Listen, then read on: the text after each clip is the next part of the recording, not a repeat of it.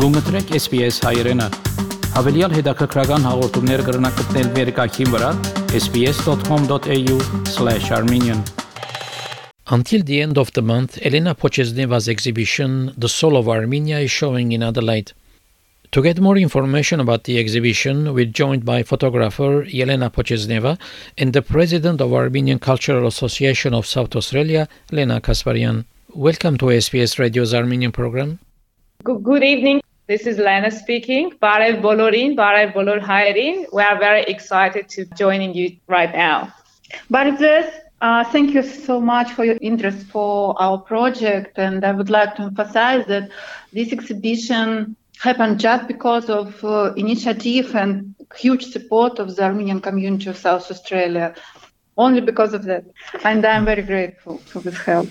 Um, Elena, first about you, you are a photographer. I thought originally you were from Moscow, but uh, Elena said you were from uh, Siberia. Uh, yes, and moreover from Far East also. I had a long life. Yes, I was a journalist in Moscow in the informational agency, and I traveled, and so I had a chance to take photos of different parts of the country and different countries. And then it returned to big interest in writing, photography. Mm-hmm. And could you talk about the, the exhibition and your uh, connection to the Armenians? Oh, with pleasure, because it was my dream to do such exhibition and it was my dream more, probably more than 10 years uh, since I came to Armenia first time. And I wanted to show that it is a very interesting country with deep history and rich culture and beautiful nature and very, very hospitable people. I came to Armenia, as I told, more than 10 years ago. And to be honest, it just happened just occasionally with my friends. I did not know where we will be. And it was November, start of the winter, foggy, cold, and wet. Not the best time for the first visit as a tourist, but I met people. And a picture is always made by people. And people whom I met, uh, they are my big and very, very important friends for me. And they showed me inner beauty of Armenia. They introduced me to um, history and culture and after that, I traveled to Armenia probably, I lost count how many times, probably 20, maybe more. And I took photos in different parts. And lucky I can show this result here. So we met Elena in Victoria Square, which is the CBD in Adelaide. It was the very hot Australia Day, and the Armenian Cultural Association, our patriots, were getting ready for the um, annual Australia Day parade we were standing there with the float, and our float was um, like two wine bottles representing that Armenia was one of the first countries to uh, start the production of wine, actually. So, with the help of our art teacher, who also has engineering background, we created huge, like wine bottles, which was the uh, main theme for the float of that year. And then someone with this beautiful smile approaches us and says, Barev in Armenian. And we look at each other, and it was like probably 40 degrees outside. It was uh, obviously January. And we look like, who is this? Like, what's going on? Is this some sort of scheme, some sort of? Anyway, then she she said, oh, hello, I'm, I'm Russian. I've been to Armenia. And we start chatting and exchanging contact details. She took amazing photos of the Armenian community, which were the highlight probably for the whole day. And that's how it all started for us from a simple barevdes. Our heart yeah. melted just from the single barevdes. And then down the track, we've been in touch, and obviously we saw some of the um, photos during different catch-ups, and we thought this is it. This is more than amazing. It's extraordinary, and it will be pity if we if we miss out on this chance to showcase what Armenia has. This is the culture, the heritage, the history, and the people and the food. so it was a good opportunity for, for our small community to get cracking on this great uh, initiative. It happened only because of this initiative. Very lucky to have such friends now because I felt huge support on each step.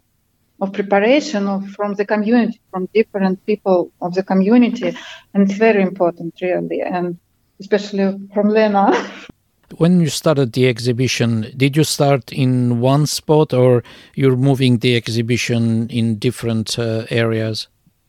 So um, I just have to uh, share also that this project was funded by the Office of the Premier uh, and Cabinet. Uh, so we received a grant called Celebrate Together uh, funding to cover some of the costs associated with the exhibition.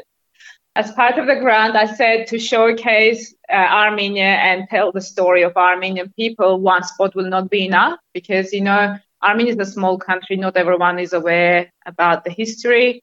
So we said to ma- maximize the impact, we should hold it in different locations uh, and give opportunity to people who are not uh, able to travel. That would be seniors or people who just arrived to the country and don't have access to transport to attend and explore something different and new. So as part of our grant, we agreed to host it in three locations. And that's how it all started. So we start in Marion suburb, then we move to Campbelltown, and we're bringing to CBD in July to give everyone uh, like opportunity and access to pop in after work, just have a look, and we will probably organize meet and greet the artist time and community members and give an opportunity to learn and ask questions uh, about Armenia and our experiences.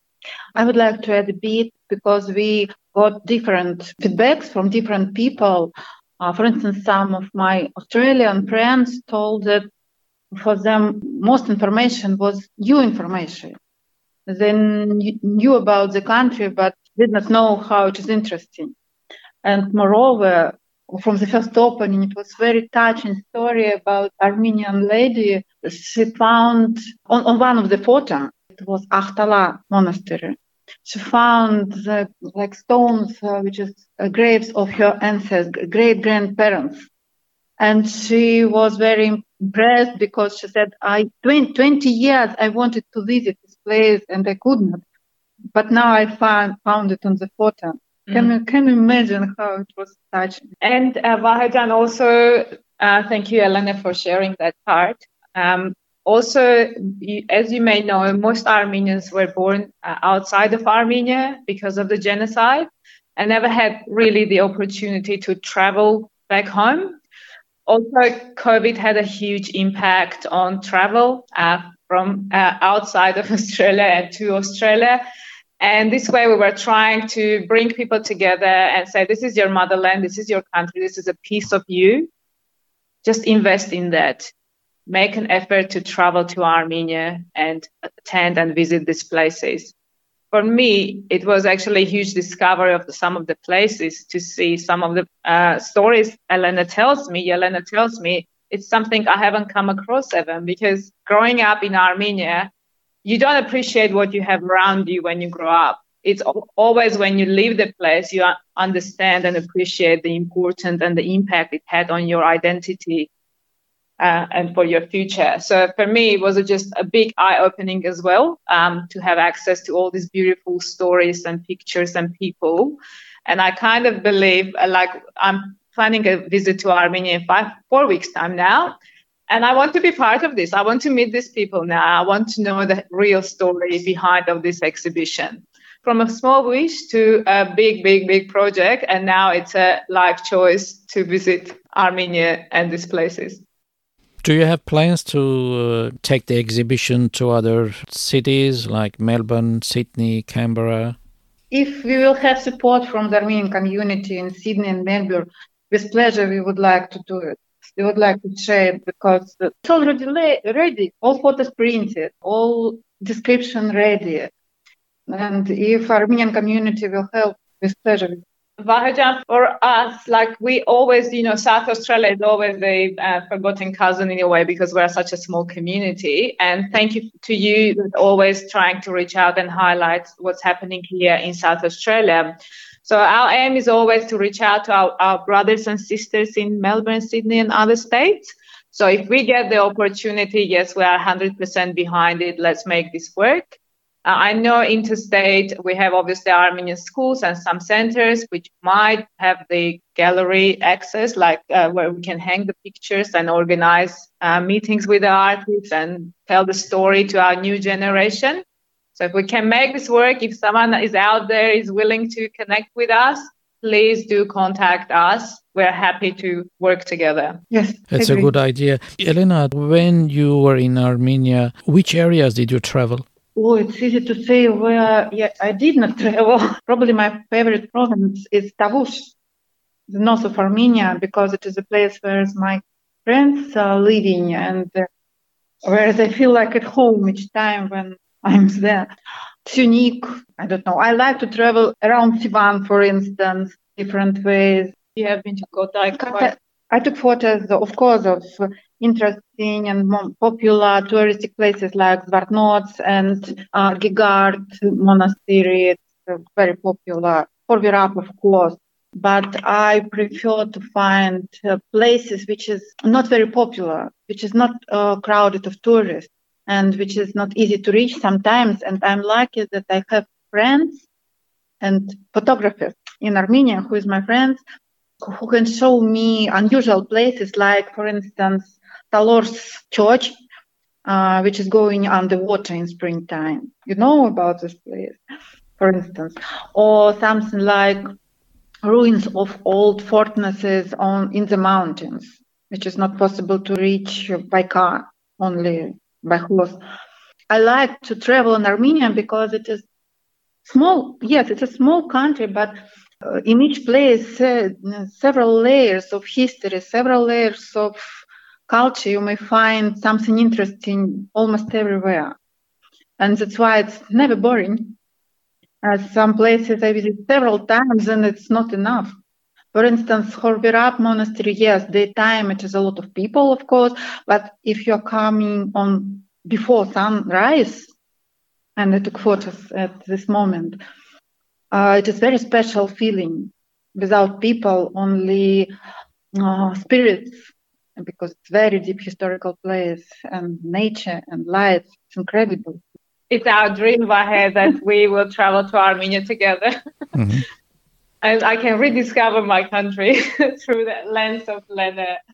Any special memories or impressions uh, from your trips to Armenia? Mm, let me think. Dif- difficult to. I think she should mention about her story, how she came to Australia. we have a photo. Yes, each picture. It's possible to tell story about each photo uh, on the exhibition. Really, it's true. and what, for instance, we have a photo with a beautiful lady, Auntie Anush, Teta Anush, and she's baking um, Armenian bread in uh, old stone wood fire oven. And it, it was New Year Eve, and uh, maybe you know that it is tradition to put coins uh, into the bread and then share the bread with uh, guests and family. And who get a piece with coins, it means it's lucky guy, uh, because it means that uh, his or her wish will must turn to be true.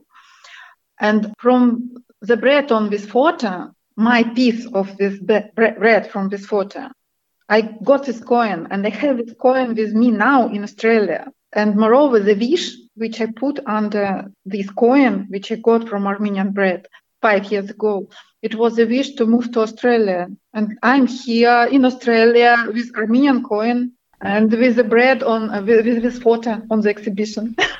I think it's pretty extraordinary, this story. Your lucky coin. Yes, yes.